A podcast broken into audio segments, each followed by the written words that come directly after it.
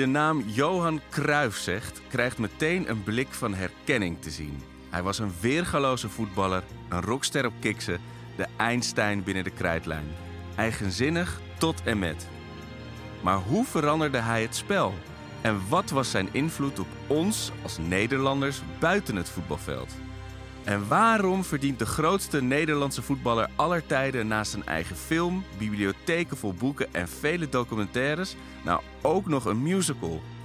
Hierover hoor je meer in 14e podcast, waarin we met gasten spreken die door Johan zijn beïnvloed. Van teamgenoten tot bewonderaars. In deze aflevering gaan we in gesprek met Tobias Nierop. Hij speelt Johan Cruijff in 14 de musical. Naast hem zit Heinz Stuy. Hij was de keeper in het legendarische Ajax van de jaren 70. En won in die tijd met Cruijff drie keer de Europa Cup 1.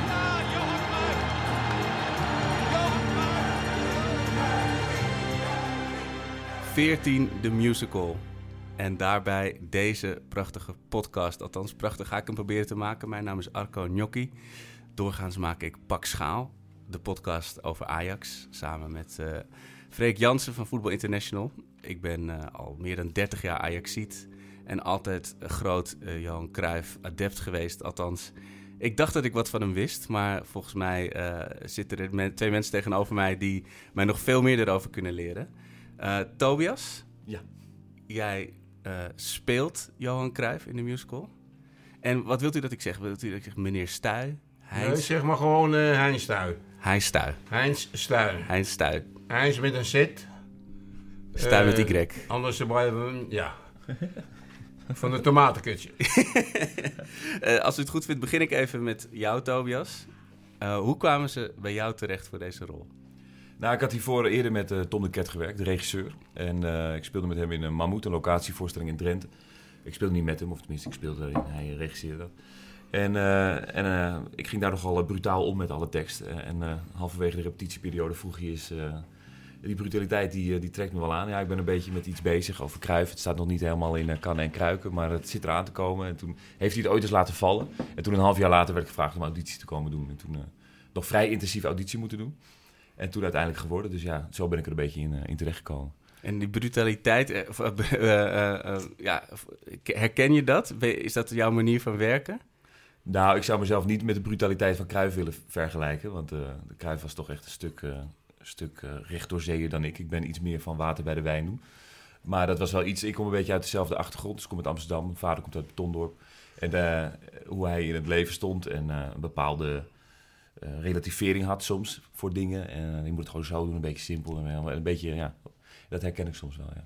En je, eh, je vader komt uit Betondorp, zeg je? Ja. Heeft hij uh, Johan nog gezien? Ik weet niet of, hoe ze in leeftijd zitten, maar kent nou, hij het de familie? Doet, doet zich natuurlijk wel de ronde, maar ik denk dat het in elke familie is die in Betondorp is opgegroeid. Dat er een oom of een opa nog wel eens met Cruijff gevoetbal heeft op Ja, je, je bent natuurlijk hartstikke jong, hè. Ja, Eh, maar eh, anders zou ik dat dus zeggen van... eh, is je moeder eh groentewezen kopen bij Johan Cruijff's vader? eh, nou, mijn, mijn opa en zou je oma... het eigenlijk ja. wel kunnen zeggen. hè? Ja, want uh, normaal is, zeggen ze, die- hij is van de melkboer, maar uh, Ja, de hij zou dan van de groenteboer kunnen zijn. eh. komen we er stiekem opeens achter dat ik de zoon van ben. Dat zou er wel zijn. Nee, maar je... eh, Ja, maar het zou dus heel goed kunnen dat inderdaad mijn opa en oma nog wel echt bij Cruijff gewoon eh, aardappelen hebben gekocht. En, Ja. eh, ja. eh, je stem ja. is... eh, dit is je eigen stem, of je zit al, ben je al in karakter? Ja. Nou, het begint een beetje diffuus te worden, want ik ben het nu eigenlijk al een half jaar aan het doen. En ik merk het thuis ook. Hè. Mijn vriendin zit me nu al belachelijk te maken dat ik af en toe zeg, nou in die zin. Dat zeg ik dus nu de hele tijd. Daar word ik zelf ook heel gek van. Maar dat zijn we die stopwoordjes die gewoon blijven hangen natuurlijk. Ja. Nou, je zei het intensieve eh, casting eh, overleefd of eh, uitverkoren daarin. Je- hoe erg ben je toen in Johans leven gedoken? Wat, wat, wat heb je gedaan? Nou, ik ben, ik ben toen nog niet heel erg zeg maar, in alle details in de boeken gedoken, maar vooral in het echt het kijken. Dus ik ben heel veel gaan zien van Johan, heel veel interviews. En in eerste instantie lukte die stem eigenlijk helemaal niet zo goed.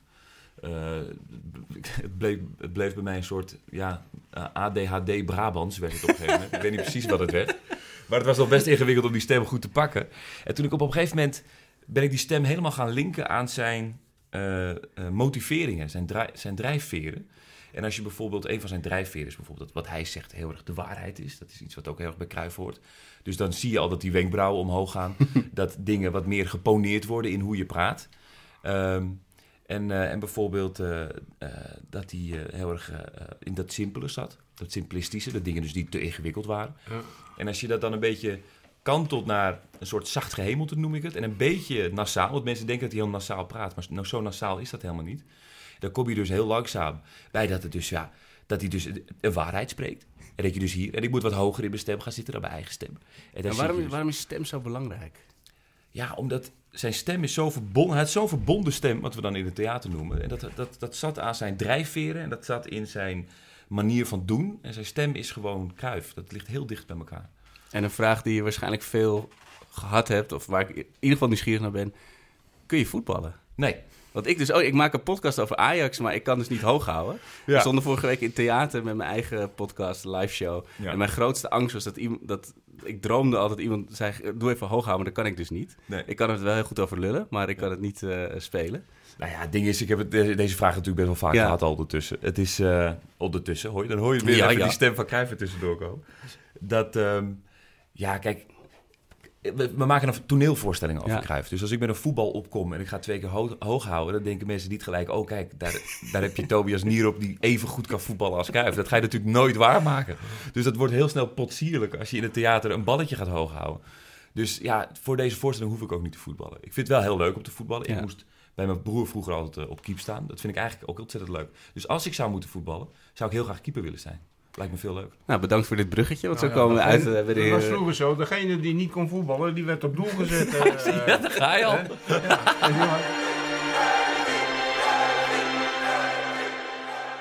Ja, eh, Heinz Stuy. ja. Echt geweldig dat, voor een Ajax als ik dat u aan tafel zit. Drie Europa Cup finales, nul tegendoelpunten. 1082 minuten zonder tegengoal. ja.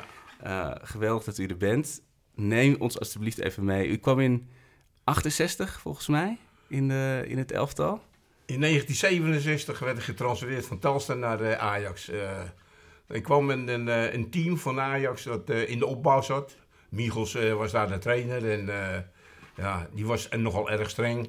Toen al met ijzeren, ijzeren Rines hand. Ja, toen we gingen, het, het, dan gingen we er tegenaan. We, werden- we begonnen met trainen in, de- in, in de bosbaan. En dan moesten we met iemand op onze rug moesten we een heuvel oplopen. Oh ja.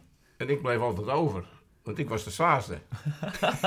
Niemand wilde mij natuurlijk op zijn rug nemen. eh, eh. Nou ja, tot dat Cruijff zei, kom op, eh, we proberen het. eh, al- als ik halverwege, als je eraf valt, dan moet jij mij op mijn rug nemen. Nou, dat hebben we ook zo gedaan. Maar we moesten in ieder geval keihard trainen.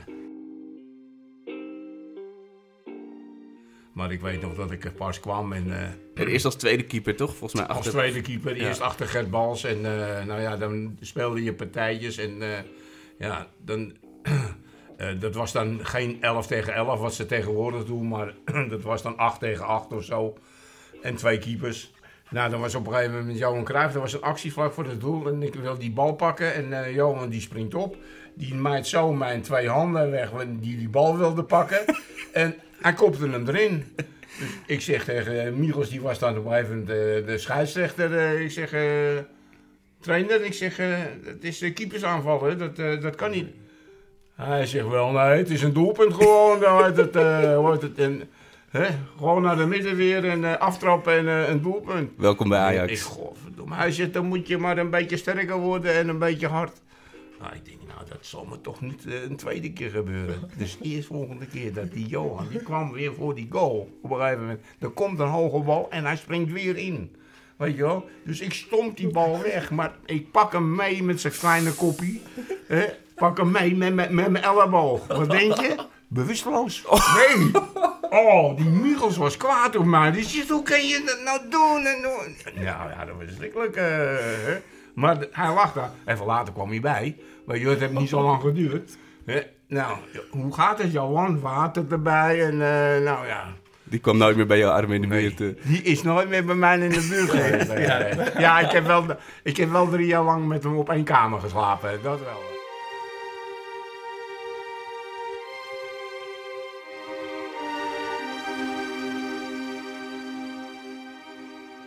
toen hij bij Ajax kwam, toen was hij sterreizende.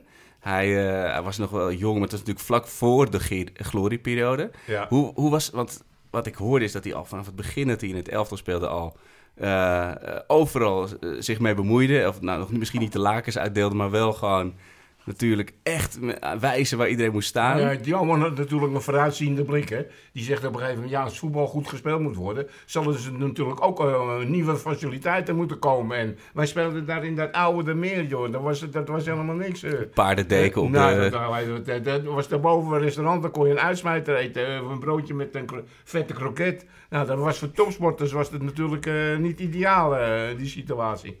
En, en daar ging eh Cruijff dan ook over te keer. Maar ja, hij kon natuurlijk ook eh, heel veel ruzie hebben met het, eh, met het bestuur over de financiën. Ja, dat is een groot thema. Hè? Ja, dat is natuurlijk dat, dat is heel belangrijk. En hij Wat- heeft er natuurlijk heel veel dingen opengebroken.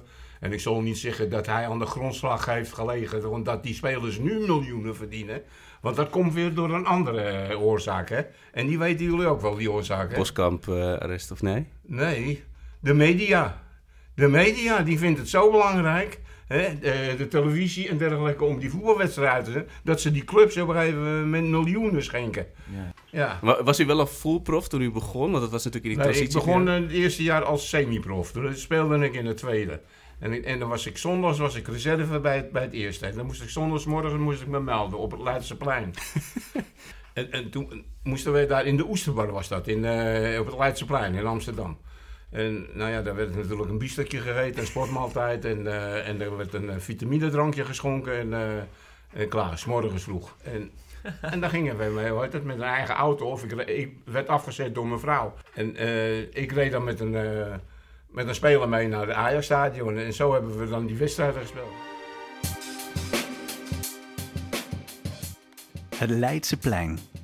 Het is het kloppende hart van de stad, waar arm en rijk en jong en oud door elkaar heen krioelen, ieder met hun eigen doel voor ogen.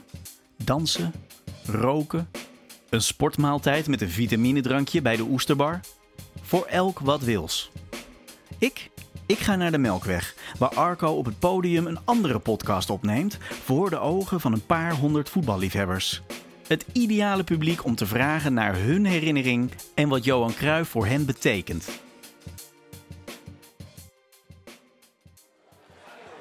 Hebben jullie een goede Johan Cruijff-anekdote? Ah, ik heb eh, ooit een oude handdoek van hem gekregen toen ik als klein jongetje naar de meer ging. Toen, eh, nou, ik heb hem niet gekregen, maar een vriendin van mijn moeder die, die had hem gekregen. En toen kreeg ik hem. En dat, eh, die heb ik nog steeds. Dus zij stond aan de kant van, de, van het veld. De kleedkamers ergens, ja. En, en wat betekent dat dan voor jou? Ja, mooi. ja, nee, ja, ik heb hem nog steeds. Ik heb hem wel gewassen hoor. ja. Ja. Maar, eh, want, want Cruijff- jij bent ook niet iemand die Cruijff zelf nog... Nee, nee, nee. nee. En wa- wat betekent hij dan voor jou? Ah, hij is toch wel. Ik, ik, nou, ik ben niet heel nostal- nostalgisch zelf hoor. Maar ik heb. Ja, het is toch wel gewoon een icoon waar je gewoon. En, en gewoon qua performance op radio en, en televisie. Maar op het veld. En ook het enthousiasme, hoe andere mensen erover vertellen. En hoe ze elke beweging kunnen analyseren. Ja, dat wil gewoon. Dat geeft gewoon. Het lijkt bijna alsof je er zelf bij bent. Dan eh, tref ik hier gewoon Horace Cohen in de Melkweg. Horace, wat is jouw eerste herinnering aan Johan Cruijff? Nou, ik woonde op de Elandsgracht eh bij eh Smit Cruijff, de sportwinkel van zijn broer Henny. En wij, ik zat op school op de Hazenstraat en wij deden het Jordaan Festival. En dan was er altijd een soort voetbal tussen het clubhuis en nog wat scholen.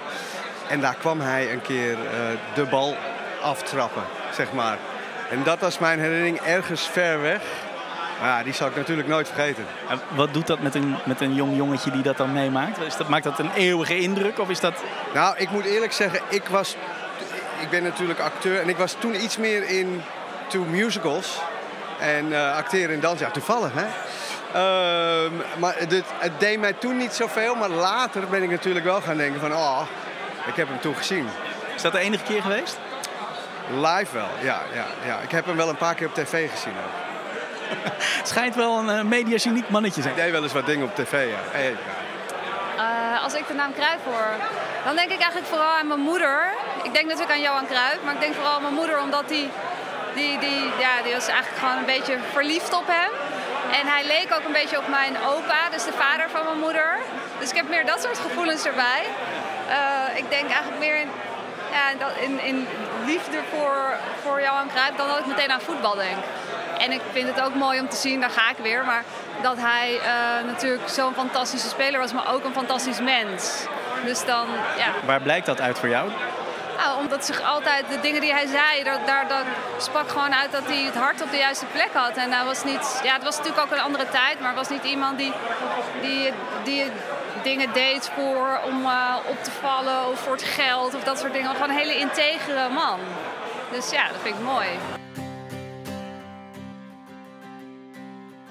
Ik sta hier met Chris Segers. Chris, eh, jij hebt ongetwijfeld in je leven wel een keer Johan Cruijff live zien voetballen of ontmoet. Ik heb hem twee keer ontmoet. En ik, eh, Johan Cruijff is voor mij ehm, van jongs af een soort vaderfiguur geweest. Hij was mijn groot idool. Als kind eh huilde ik in bed bij mijn oma. Eh, dan heb ik het over de jaren 70. Toen was ik ja, jochie van een jaar of zes. En toen vertrok hij naar eh, de Verenigde Staten op een gegeven moment. En dat was voor mij een soort alsof hij stierf omdat hij daar naartoe ging. Ik weet niet waarom ik dat daarmee associeerde, maar ik was helemaal kapot. En ik weet nog, en het is een heel rare herinnering, maar dat ik dus in dat logeerbed lag te slapen en eh, bij de kerkklok naast, dat was ergens in het dorp. Ik weet nog zo goed dat ik naar buiten keek en dat ik gewoon eh, huilde dat, dat Johan naar Amerika ging. Eh, raar, maar dat is om aan te geven hoe, wat voor een impact hij had op, op mij als kind. En ik had altijd, als ik buiten stond te voetballen, met, altijd dacht ik alleen maar aan Johan Cruijff. En op een gegeven moment was een voorpagina van een krant. En er stond Jordi Cruijff op de voorkant met een Ajax tenue. Stond hij een balletje hoog te houden. En eh, ik was zo jaloers op Jordi Cruijff dat hij bij Ajax zat. En dat hij de zoon was van Johan Cruijff. En eh, dat ik, ik dacht van nou, hij is bevoorrecht. Hij mag naar Ajax, weet je wel. Ja, dat is, hij heeft een enorm impact gehad. En toen op een gegeven moment, eh, nou, 30 jaar later zeg maar, toen woonde ik in Amsterdam ook zoals nu. En ik sta bij een stomerij op een gegeven moment. En ik sta te wachten of ik, op mijn beurt. Was één eh, vrouw met een, eh, een jong kind eh, voor me. En Johan Cruijff komt binnenlopen.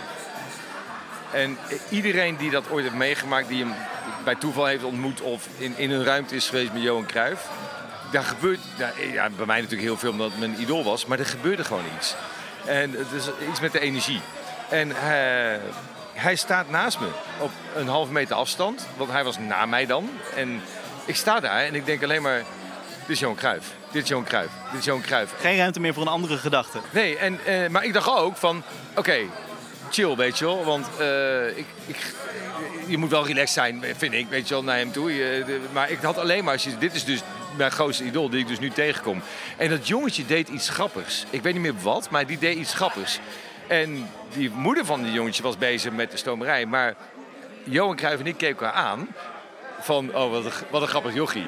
Dus er was even contact over dat jochie. En, en, dat, en dat was het. En dat was het magische moment. En toen heb ik mijn, weet ik veel waarvoor ik daar kwam, ik heb misschien een pak gestoomd of zoiets. Dus ik pak dat aan en ik zeg goedemiddag allemaal en ik, ik ga weg. En ik ben denk ik twee uur lang in de band geweest van dat moment. Kijk, hij wordt nu mythisch. Ja. De, de, de voetballer verdwijnt, het leven is weg, maar de mythe eh, neemt toe. Eh, eh, is dat iets wat je, wat je herkent? Of? Nou, de mythe, de van Cruijff was eigenlijk al bij zijn leven.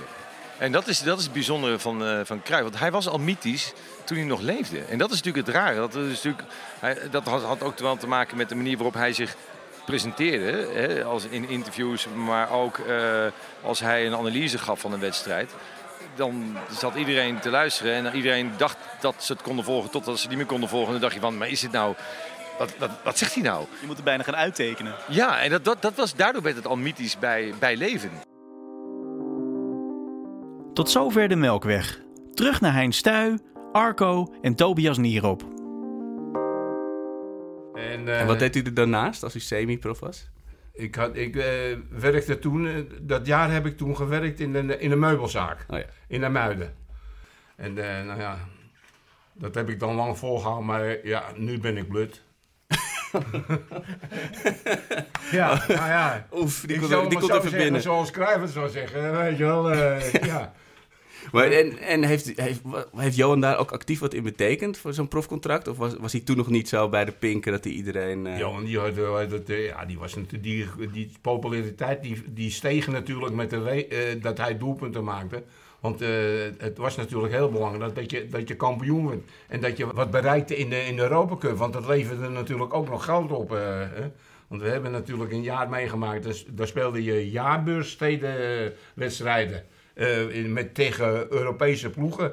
En, eh, en dan in die Oostbloklanden en dergelijke, weet je wel. Nou ja, dat was natuurlijk... eh, ja, eh, waardeloos, want je zat daar in een hotel en dan kwam je binnen en dan, eh, dan rook ik al dat de kolensoep opstond. eh, Ja, ja, ja. Ik denk, nou, nou, nou. nou. En hun kwamen hier in het Hilton Hotel. Ja, eh, andere hè, koek. ja.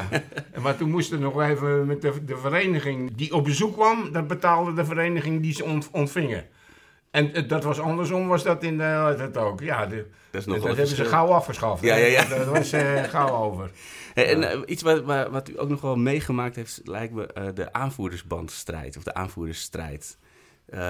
Kruif, Keizer, Ja. er werd gestemd. Ja, dat is natuurlijk ook een, eh, een groot issue geweest in, de- in de ja, ver- vermenging van het team. Ja. Dus de ene kant was voor Keizer en de andere kant was voor Cruijff. Dat was niet goed eh, om, eh, als je een team vormt, hè, dan moet je een eenheid zijn, weet je wel. Ja, en dan moet niet de ene die kant op willen en de andere die kant op. Hè. Dus dat is belangrijk. En dat hebben die jongens toch eigenlijk verkeerd aangepakt, in mijn ogen.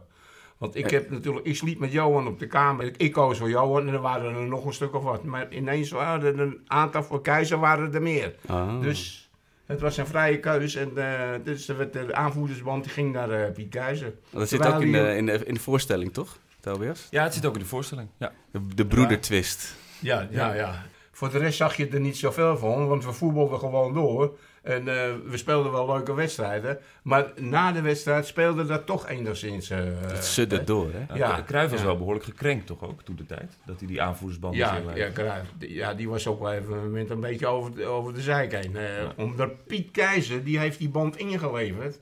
Want die heeft gezegd, ik wil die aanvoerdersband eh, eh, teruggeven. Laat iemand anders me doen, want ik voel me er niet zo prettig bij. Hoe prettig kan je je dan voelen als je hem dan wel weer terugkrijgt? Ja, Eh, dat- hè? Dus dat denk ik op een gegeven moment, ja, dat, is, dat is niet goed. eh, hè? Nee. En, en er waren natuurlijk eh, spelers die stemden tegen Johan Cruijff, omdat Johan het team eigenlijk min of meer in de steek heeft gelaten. De wedstrijd tegen Bayern München uit. Wij winnen hier met 4-0 in het Olympisch Stadion. En we moeten uit naar Bayern München. Toen eh, heeft het bestuur gezegd, Johan, ga nou mee. Want dan denken hun dat jij op een gegeven moment gewoon gaat spelen. Alleen Maar al het idee... Op het laatste moment speel jij gewoon niet. eh, hè? Hij had een reisverbod van de dokter gekregen. Want hij had natuurlijk een andere arts had die geraadpleegd, weet je Ja. wel. En hij gezegd, nou, het is beter ook en veel te vermoeiend om een reis te maken. Naar München. nou ja, hoe vermoeiend kan dat zijn? eh, hè?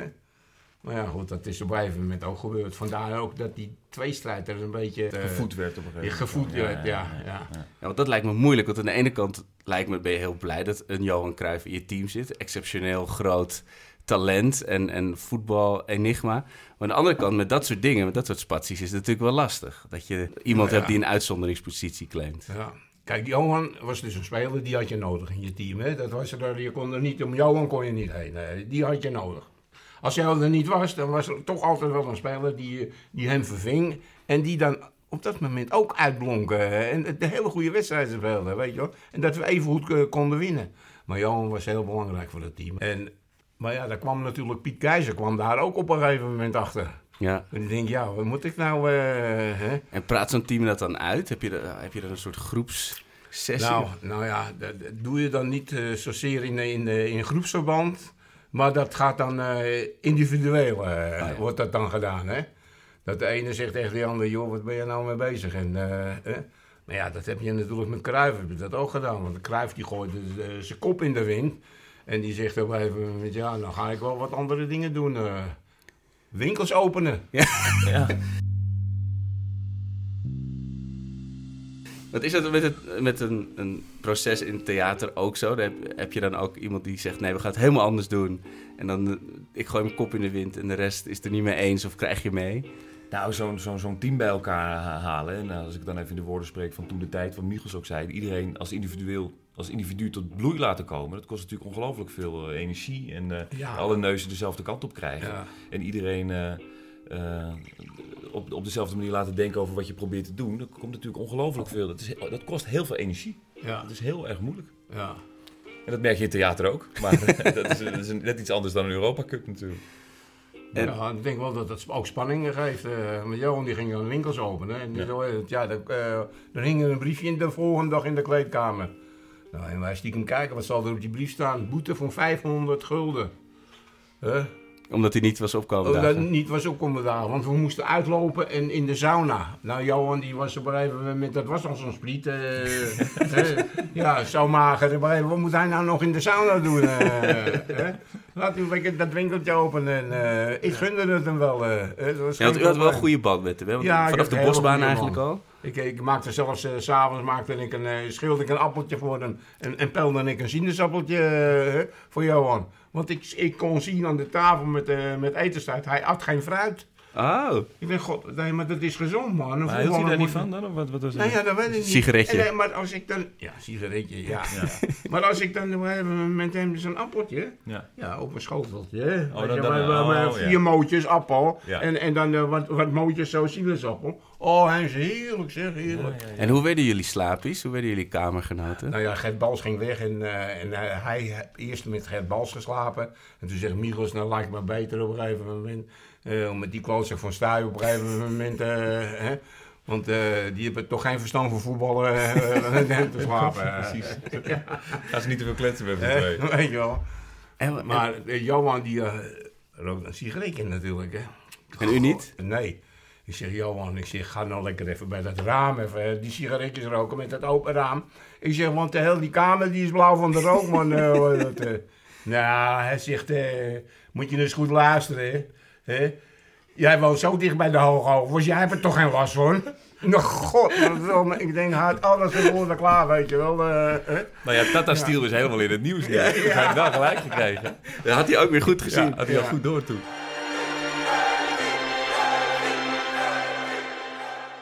En wat, wat tegenwoordig heb je dan? eh, Die spelers nemen een eigen koffer met de PlayStation eh, mee of een, lekker op Instagram. Maar hoe was dat dan op, in het hotel? Ging je dan eh backgammon? Nee, wij, heet het, we waren aan kaarten. Er er verschrikkelijk veel gekaart. En met het kaartspel had je geloof ik drie afdelingen. De toppers. Dan krijg je de middenmoot. En dan krijg je de, de, beginners. die begonnen onderaan. Hè. Die zetten een, een gulden in. Hè. Oh, daar ging het ook over. Maar de, de toppers die gingen met een tientje. Ja, ja. En een geeltje. hè, weet je wel. eh. ja, dat zijn de ho- hoge jongens. Ik heb nog eens meegemaakt dat eh, mevrouw Vassevik die kwam 500 gulden brengen. Want hij had, eh Vassevik had dat geleend en die was hij allemaal kwijtgeraakt met, eh, met het gokken. En dat was gewoon tussen twee trainingen in. Hè. Maar hij, hij, hij stond ook wel een beetje bekend. Af en toe was het toch vals spelen met kaarten?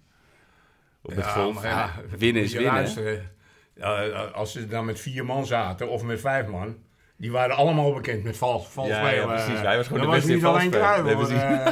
Eh, Eh, en als keeper, dus ik heb veel gevoetbald en een van beste vrienden is keeper. Maar volgens mij als keeper, je kijkt natuurlijk over het hele veld. Je, je wordt ook een soort observator, lo- los van deelnemen natuurlijk. En je ligt dan met die man dag in dag uit op de kamer op reis. Had u toen al het idee van, hier naast me ligt een fenomeen te snurken. Dit is iemand die alles gaat overstijgen in Nederland. Dit is een, iemand waar musicals en films over gemaakt gaan worden. Of was het dan toch Jopie voor u? Ja, het was. eh, nou ja, Jopie, dat eh, was toen hij nog jong was. eh, en maar voor mij was het Johan. En Johan, die werd 's morgens wel eens wakker. En dan lag hij in mijn armen. Met zijn koppie, met een kleine koppie. Lag hij zo even met in armen. Wat een Want prachtig we, beeld. we hadden ze dan zo'n Lucimo, zo'n zo'n bed, weet je wel, zo'n tweepersoonsbed. Hè, met zo'n plank ertussen, weet je wel. En ik draai nogal veel in, eh, heet het, eh, in mijn slaap, eh, 's nachts. En dan blijven we met, ik had gedraaid en dan mijn arm uitgestoken. En wat denk je, die jongen kruift erin gekropen. En, gewoon, eh, En had wel, dan eh, klem vast als keeper? Of, eh? Ik zeg, Johan, eh, ga jij eerst douchen of moet ik eerst douchen? Goedemorgen. ja, ja, ja, ja. Maar hij, hij, hij nam geen lectuur mee, niks te lezen ook. Hij, hij las geen boeken, Johan. eh, hè, want dan werd van. Nou, eh, Johan, heb je nog wel eens een boek gelezen? En Nou, dat, hij fantaseerde wel wat. Ja. Maar ik nam die, eh, die, die Kik Wilstra boeken nam ik mee over voetballen. En die eh, Va- Valiant eh, van, Ja, ja, van die de- de- autoraces. Van die autoraces. Nou, dat vond hij wel leuk. eh, hè? Oh, ja, ja. Ja. Heinz, heb je weer boeken bij? Nou, dan gaan we weer even voor een moment op de kamer. Oh, ja. heerlijk. En wat, kletste die daar ook veel? Was het, of was het, moest u echt zeggen van... Johan, ik moet nu echt even slapen? Of eh, was hij op de kamer wel Johan rustig? was altijd bezig. Johan, Johan was altijd in de weer. Hè, als, eh, er was middags was het eh, twee uur was het rust. hè. Na, na de lunch was het eh, twee uur. Want wij zaten in Wassenaar hè, voor de Robocup. In eh Duinzicht. Ik ben er met mijn kleinzoon ben ik er ook geweest. eh. en mooi. heb ik hem eh, aangewezen in welke kamer wij lagen. op een gegeven moment. Fantastisch. En Was het voor jou, is het voor jou een fysieke rol? Heb je veel moeten, fysiek moeten trainen voor, om Johans rol te vertolken? Nou, het is wel, eh, het is, wat, voor mij als acteur is dit wel een behoorlijke tour de force, ja. Fysiek en mentaal om... eh, om eh, ik, ik zat laatst helemaal kapot in de auto hier naartoe. En toen dacht ik, ja, Johan had toch wel, later heeft hij het ook al wel toegegeven... dat hij toch wel last had van een bepaald soort ADHD, hè, zoals dat dan nu genoemd wordt. En Ja. toen zat ik helemaal gesloopt in de auto. Toen dacht ik, ja, dat is toch iets wat je niet makkelijk kan spelen. Ik heb gewoon geen ADHD, weet je. Maar eh, nee, het is, eh, dat zei ik ook net over die stem. En dat hoor ik nu ook in al die verhalen. Johan was gewoon echt een, een brok energie. Ja. Die was gewoon altijd in de weer, bezig. Eh, forse stem, eh, rennen. eh, dat is gewoon... eh, dat is, eh, Ging 's middags niet slapen. En had hij het dan ook, ook de hele tijd over voetbal? Of kon hij het dan ook nog over andere dingen hebben? Nou ja, hij vertelde natuurlijk eh, met Danny. Hij was getrouwd natuurlijk met Danny en dan ging in Vinkenveen wonen. Johan, wat heb je gegeten? Ja, spinazie, lekker, joh, gezond. met een balletje gehakt, heerlijk man. eh, hè. Ja, zulke dingen vertelde hij dan. eh, hè. Maar ratelen. Ja. Over, zijn, over zijn gezinsleven, dat vond hij ook heel belangrijk, toch? Nou ja, dat was later dan. eh, dat hebben wij niet zo meegemaakt. Ik heb ja. met hem in, in eh, La Coruña heb ik, eh, met hem op kamer eh, gelegen. Waar, daar speelden wij een toernooi.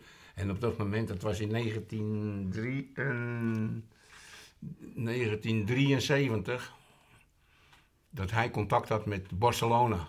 Nou, Costa was natuurlijk zijn schoonvader en eh, die zei van, nou, Johan, we gaan er maar weg. Want eh, er was een beetje heibel met het bestuur en dergelijke. Barcelona die heeft gebeld en nee, dan komen we. Transferbedrag van 3 miljoen. Is de hele nacht niet op de kamer eh, geweest. Is alleen maar op een moment in gesprek geweest. Toen komt hij op de kamer terug. Het was al, het is morgens vroeg. Het was nog, eh, het was nog donker daar in, in dat Spanje. En ik zeg, en Johan, wat gaan we doen? Hij zegt, ik blijf. Oh, nou, ik zeg gelukkig. Beter. Ja, hij zegt, eh, mijn schoonmoeder, die had ik huilend aan de telefoon. Want Danny, die is in verwachting. En dat kind, als dat kind geboren is, kan ze dat kind niet zien. Eh, dan was, het- is het te ver weg om, eh, om een beetje bij de opvoeding te zijn. Prompt werd er gebeld en zei Jo- eh, Johan, kom even. Ze mochten elke 14 dagen naar Spanje, naar Barcelona komen, de, de ouders. eh, Slimme deal. Weet je wel, om, Ja. eh, het, eh, om wedstrijden te bekijken. eh. Nou, daar ging hij. Dat, dat, dat betaalde Barcelona dan. eh, hè? Hey, en eh, Barcelona, Ajax, maar eh, ja, dat was ook de jaren van de oranje successen. Eh, Ja, 74. maar u moet toch gedacht hebben, kat in bakkie met uw staat van dienst, uw band met Nee, en heb Ajax. Een, ik heb een foutje gemaakt. Dus zat hij op de tribune. Zat hij op de tribune. Ik was eh, ziek geweest. En ik heb eh, een wedstrijd heb ik gemist. Mijn huisarts die had mij bekeken en die had gezegd... jij moet voorlopig nog even op bed blijven, je mag niet op. Toen belde Roling op. En die, die zegt, Heinz, eh, heeft de dokter nog wat tegen je gezegd? Ja, ik mag af en toe mag ik een, eh, een uurtje op. Hij zegt, "Ah, en dat uurtje als je dan op bent, kom dan regelrecht naar mij toe. Dan geef ik je een injectie en dan eh, ben je weer fit. Ik zeg, nou, dat zullen we wel zien. Dus dat heb ik gedaan, hè. Ja. Daar hield die dokter wel ook van, hè? Ik heb, Ja. nog, eh, ik heb nog twee keer getraind. Twee keer getraind en een wedstrijd tegen PSV. Dat was eh, eh, een bekerwedstrijd. voor de halve finale bekerwedstrijd. En ja, toen maak ik een fout. Willy van der Kade, die bal die was zo uit het... eh, die had ik, en ik rolde hem uit, want je mocht niet met die bal lopen. En ik rolde hem uit naar de, naar de 16 meter, weet je wel. En, eh, om hem dan weer op te pakken en, eh, en uit te schieten. Ik had niet in de gaten dat die Willy van der Kuilen nog achter het doel lag. eh, weet je wel. En die komt ineens zo voor me en die pakt die bal af en die schiet hem in het lege doel. eh. Nou, dat heeft mij een plaats gekost bij het Nederlands elftal. Oh, echt? Eén zo'n Ja. moment. Ja. Ongelooflijk. Ja. En, eh, nou, het was eh, bij Ajax ook meteen klaar, want eh, we kregen een nieuwe trainer. Kovacs ging weg, die werd, na twee jaar werd hij weggestuurd. We kregen een nieuwe trainer en dat was Hans Kruijs senior. Ja, en die kregen hoe heet het, een, een budget van 2,5 miljoen gulden Ja. om, om spelers te kopen. Ik geloof dat hij zeven spelers kocht, maar onder, onder andere ook Piet Schrijvers van FC Twente. ja.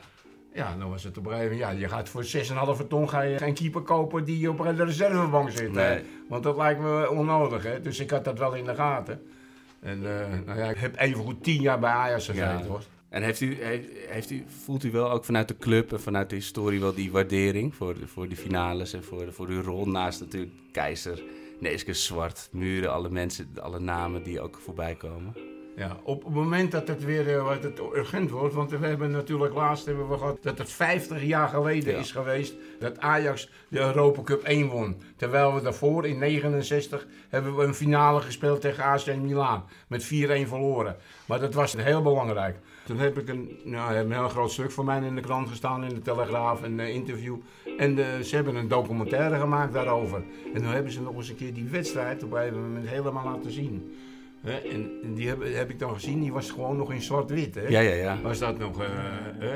Ja. En, eh, en dat was Engels, was het. Oh, ja. Engels, eh, nou, was prachtig. Was prachtig. Om dat weer terug te zien, weet je wel. Ja. Nou ja, dat was dan de eerste nul. Hè, later hebben we ook nog. eh, nou, het is dan, dat moet dan eh, dit seizoen worden. ja. Dan wordt het Inter, hè? Dan Ja. komt die tweede Europa Cup. Een van de mooiste hè? voetbalwedstrijden ooit. Ja. In de Kuip, toevallig. Ja. Maar eh, ja, dat, dat, wel fijn dat daar nog aandacht van is. Want het is zo'n unieke periode. En, en voor jou, Tobias, ja, als, als jij geblesseerd raakt... of als jij, eh, heb, je, heb, jij, heb, heb je een reservebank bij de musical? Even afkloppen. Ja, nee, eh, zeker. nee, die is er niet. Nee. jij bent Johan. Dus maar één Johan. ja, klopt. Ja. Nee, de producent die kwam gisteren al naar me toe en zei... Toos, heb je iets nodig? Hoe gaat het met je? Kunnen we even een masseur langs laten komen? Ik zei, nou, het gaat allemaal prima hoor. Maar Maar, ja. moet je zingen ook in die musical? Nee, nee, ik hoef niet te zingen. Nee. Nou, nee, je mazzel. Ja.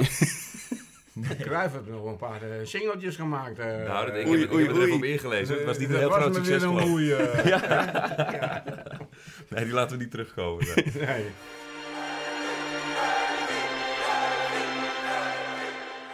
Maar ik, ik vroeg me nog af, wat, eh, ik weet van, eh, van Bals dat eh, Johan altijd een tikje in de buik gaf. Als een soort bijgeloof. Deed hij dat ook bij jou? Dat deed hij ook bij mij. Ja, grappig. Allemaal van die Dat ritueeltjes. ging op een gegeven moment heel stiekem en heet het, heel onopvallend ging hij dat op een gegeven moment. Het was geen harde tik, op een gegeven moment. Hij moest me even aanraken. Want Goed hij geluk. had een betoverende kracht over zich. eh, hè? Oh, zo voelde, hij voelde dat hij jou moest aanraken om Ja, jou iets mee te geven. ja, ik heb het steeds in mijn hoofd gehad dat hij even iemand moest aanraken om hem wat kracht mee te geven. maar dat, dat was natuurlijk helemaal niet zo. eh, hè? Oh, wat goed. Ja, hij moest jou gewoon even motiveren eigenlijk. Ja. Nou ja, ik voelde het niet zo. Nee, Ik nee. denk, wat moet hij nou, eh, die eh, hebben een tikkie. Want we, hadden, we, we, we liepen het veld op met niet een opstelling zo recht naast elkaar. Maar we liepen gewoon een opstelling. De, de ene ging die kant op, om de cirkel, en de andere ging linksom. Dan bleven we allemaal staan zo halverwege. En de keeper, die liep rechtdoor en die ging op de middenstep staan.